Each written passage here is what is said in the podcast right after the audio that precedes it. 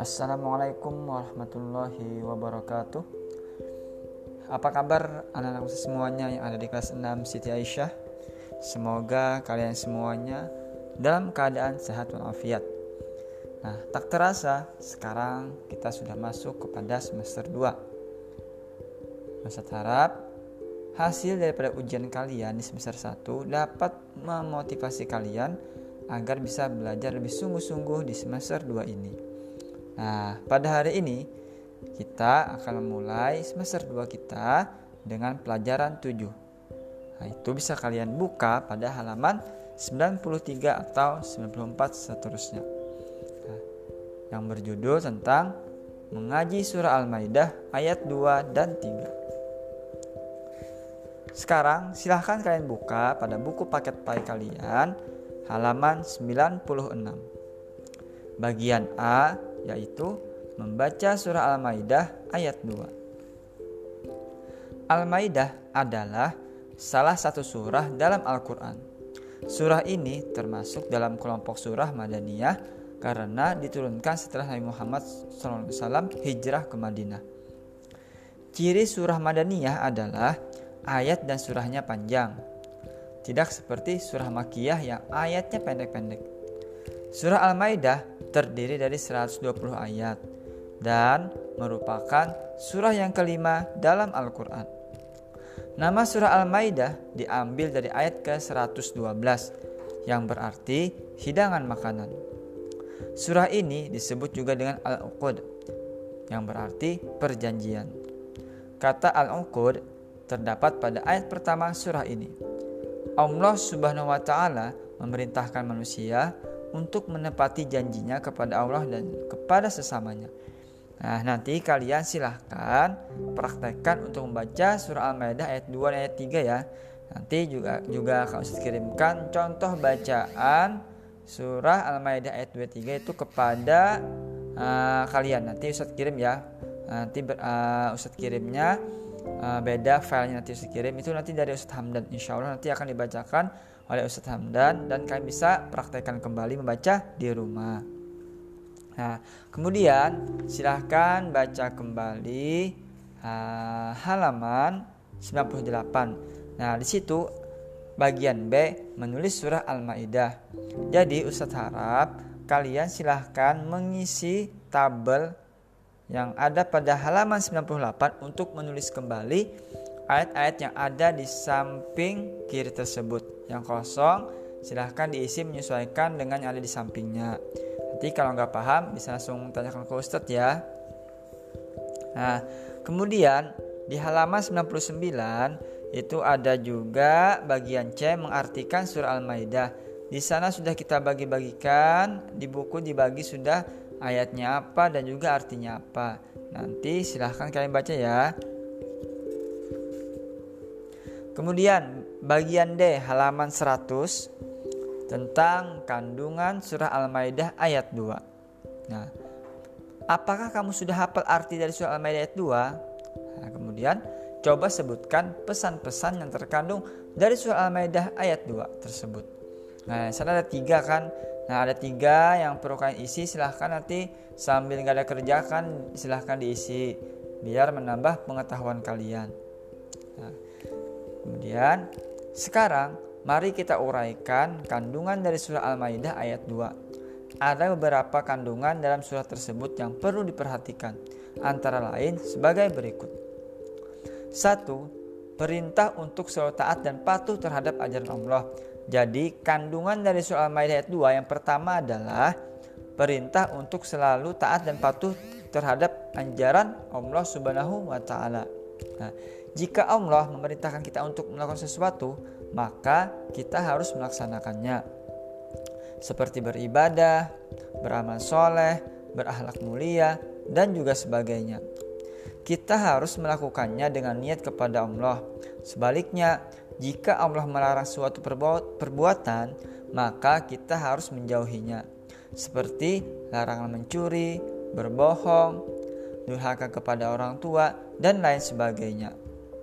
Nomor dua, Allah melarang kita mengganggu orang-orang yang sedang beribadah.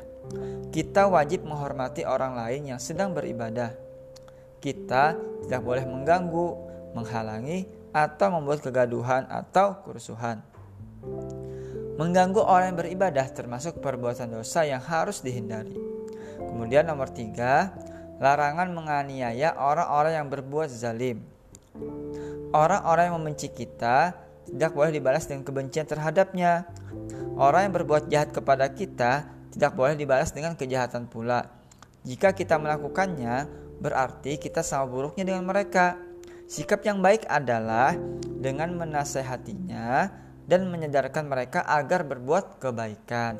Jadi, misalkan ada, ada orang nih yang jahat sama kita atau membenci kita, maka jangan dibahas dengan kebencian, tetapi kita bahas dengan kebaikan seperti menasihatinya maupun menyadarkannya agar mereka bisa berubah untuk berbuat kebaikan.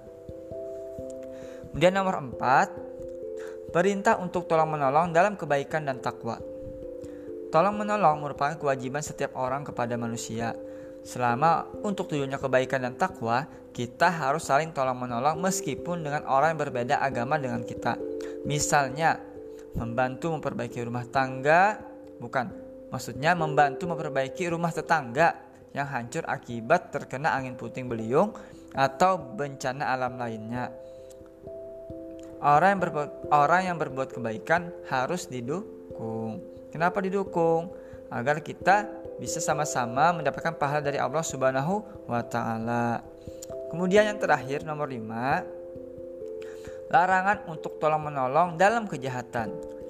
Kejahatan dalam bentuk apa pun adalah perbuatan dosa dan harus dijauhi. Meskipun yang mengajak adalah teman dekat kita, maka kita juga harus tetap menjauhinya kalau dia mengajak kita untuk tolong menolong dalam kejahatan. Contohnya apa? Yuk, kira-kira apa contohnya ya? Nih, contohnya kira-kira seperti tolong menolong dalam menjawab soal ulangan atau contek menyontek. Nah, itu salah karena itu sama saja menolong dalam kejahatan. Jadi kita harus berani menolak setiap ajakan untuk berbuat kejahatan atau dosa. Kemudian kita lanjut bagian E membaca surah Al-Maidah ayat 3. Surah Al-Maidah, nah ini bisa kalian lihat di halaman 101 ya, bagian bawah itu bagian E membaca surah Al-Maidah ayat 3. Surah Al-Maidah adalah surah kelima dalam Al-Quran. Surah ini termasuk kelompok surah Madaniyah karena diwahyukan oleh Allah setelah Nabi Muhammad hijrah ke Madinah. Surah Al-Maidah terdiri dari 120 ayat. Al-Maidah berarti dari hidangan. Surah ini juga dinamai dengan surah Al-Qud yang berarti perjanjian-perjanjian dan Al-Mulkis yang berarti yang menyelamatkan. Nah, nanti silahkan kalian baca praktekkan juga ya untuk Al-Maidah ayat 3.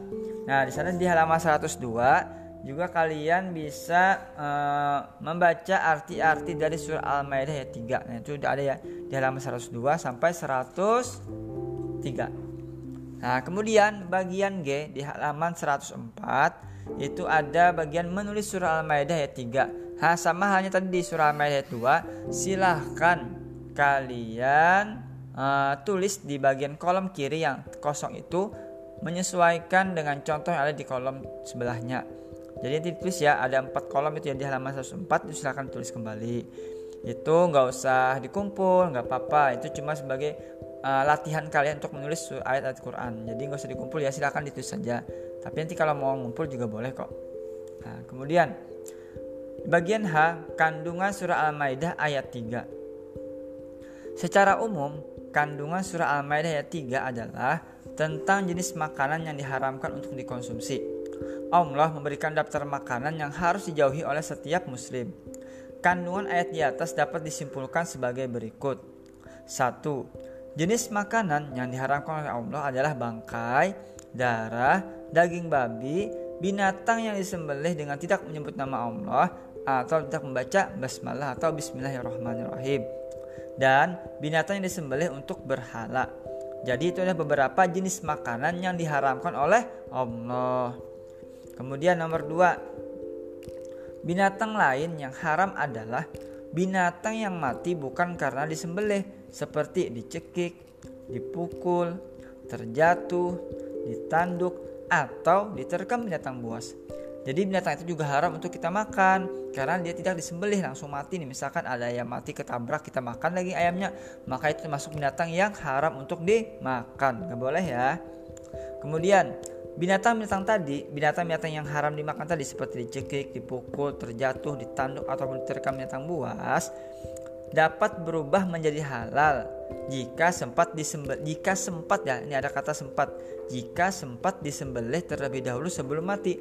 Jadi misalkan nih ada ayam ketabrak motor dia sekarat. Nah kita bawa kita sempat sembelih sebelum dia mati. Maka ayamnya maka ayam tersebut bisa menjadi halal untuk kita makan atau konsumsi jadi ada kata sempat ya, kalau nggak sempat misalnya ayamnya mati tabrak tapi nggak sempat maka itu haram. Kalau sempat masih disembelih maka itu ayamnya daging ayamnya halal. Seperti itu. Kemudian nomor tiga, jika seseorang sedang dalam keadaan terpaksa atau darurat karena kelaparan dan tidak menemukan makanan lain yang halal, maka boleh saja memakan binatang di atas asalkan bukan sengaja untuk melanggar larangan Allah. Jadi misalkan nih kita misalkan nih uh, ada cerita misal kita tersesat dalam sebuah hutan. Hutan belantara kita tersesat dan kita kelaparan. Tiba-tiba di sana ada uh, binatang lain yang haram. Misalkan binatang yang dilarang orang dimakan. Misalkan kayak hmm, daging babi misalkan ya. Nah di ada babi. Kalau kita kelaparan kalau kita nggak makan kita akan mati.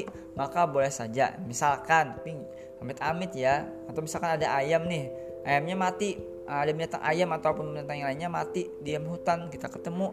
Tapi ayamnya udah mati duluan nggak bisa disembelih. Bagaimana daripada kita kelaparan maka boleh sih kita makan. Asalkan itu emang betul-betul kita dalam keadaan terdesak ataupun tidak tidak menemukan makanan. Jangan misalkan di kota kita makan nah boleh. Tadi kayak di Palangkaraya masih ada tempat-tempat makan nggak boleh. Itu untuk khususan saja. Nanti bisa dipahami ya untuk bagian nomor tiga itu ya. Jadi kalau kurang paham bisa ditanyakan ke Ustadz langsung Nah terakhir di bagian hulasah halaman 105 di rangkuman ada tiga. Nomor satu surah Al-Maidah termasuk dalam kelompok surah Madaniyah yang mana ayatnya dan surahnya panjang-panjang. Kemudian kandungan surah Al-Maidah ayat 2 adalah perintah untuk tolong menolong dalam kebaikan dan larangan untuk tolong menolong dalam kejahatan. Nomor 3 Kandungan surah Al-Maidah ayat 3 menjelaskan tentang makanan yang haram dikonsumsi seperti bangkai, darah, daging babi, binatang yang disembelih tanpa menyebut nama Allah dan makanan yang diperuntukkan berhala. Nah, itu rangkumannya ya. Nah, Ustaz harap dari podcast ini ataupun rekaman ini kalian bisa belajar dan bisa memahami tentang pelajaran mengaji surah Al-Maidah ayat 2 dan juga ayat 3. Jadi ingat ya ini dibaca, dipraktekkan juga dalam kehidupan sehari-hari agar kita sama-sama bisa menjadi orang yang baik dan orang yang bertakwa kepada Allah Subhanahu wa taala. Nah, baiklah anak-anak, kiranya untuk podcast pelajaran tujuh hari ini mapel pai untuk kelas 6 secukupkan. Silahkan nanti kalian baca buku tersebut juga juga bisa atau mengulang podcast ini juga bisa dan kalau ada Ustaz sarankan kalau ada waktu luang silahkan dikerjakan soal-soal latihan yang ada di pelajaran 7 tersebut. Enggak wajib ya siapa yang mau yang mau agar bisa uh, bertambah ilmu pengetahuannya yang bisa menjadi anak-anak yang sukses. Nah baiklah untuk hari ini Ustaz cukupkan podcastnya. Uh, kalau ada kekurangan kehilapan dalam perkataan Ustaz di podcast ini mohon dimaafkan. Akhirul kalam. Assalamualaikum warahmatullahi wabarakatuh.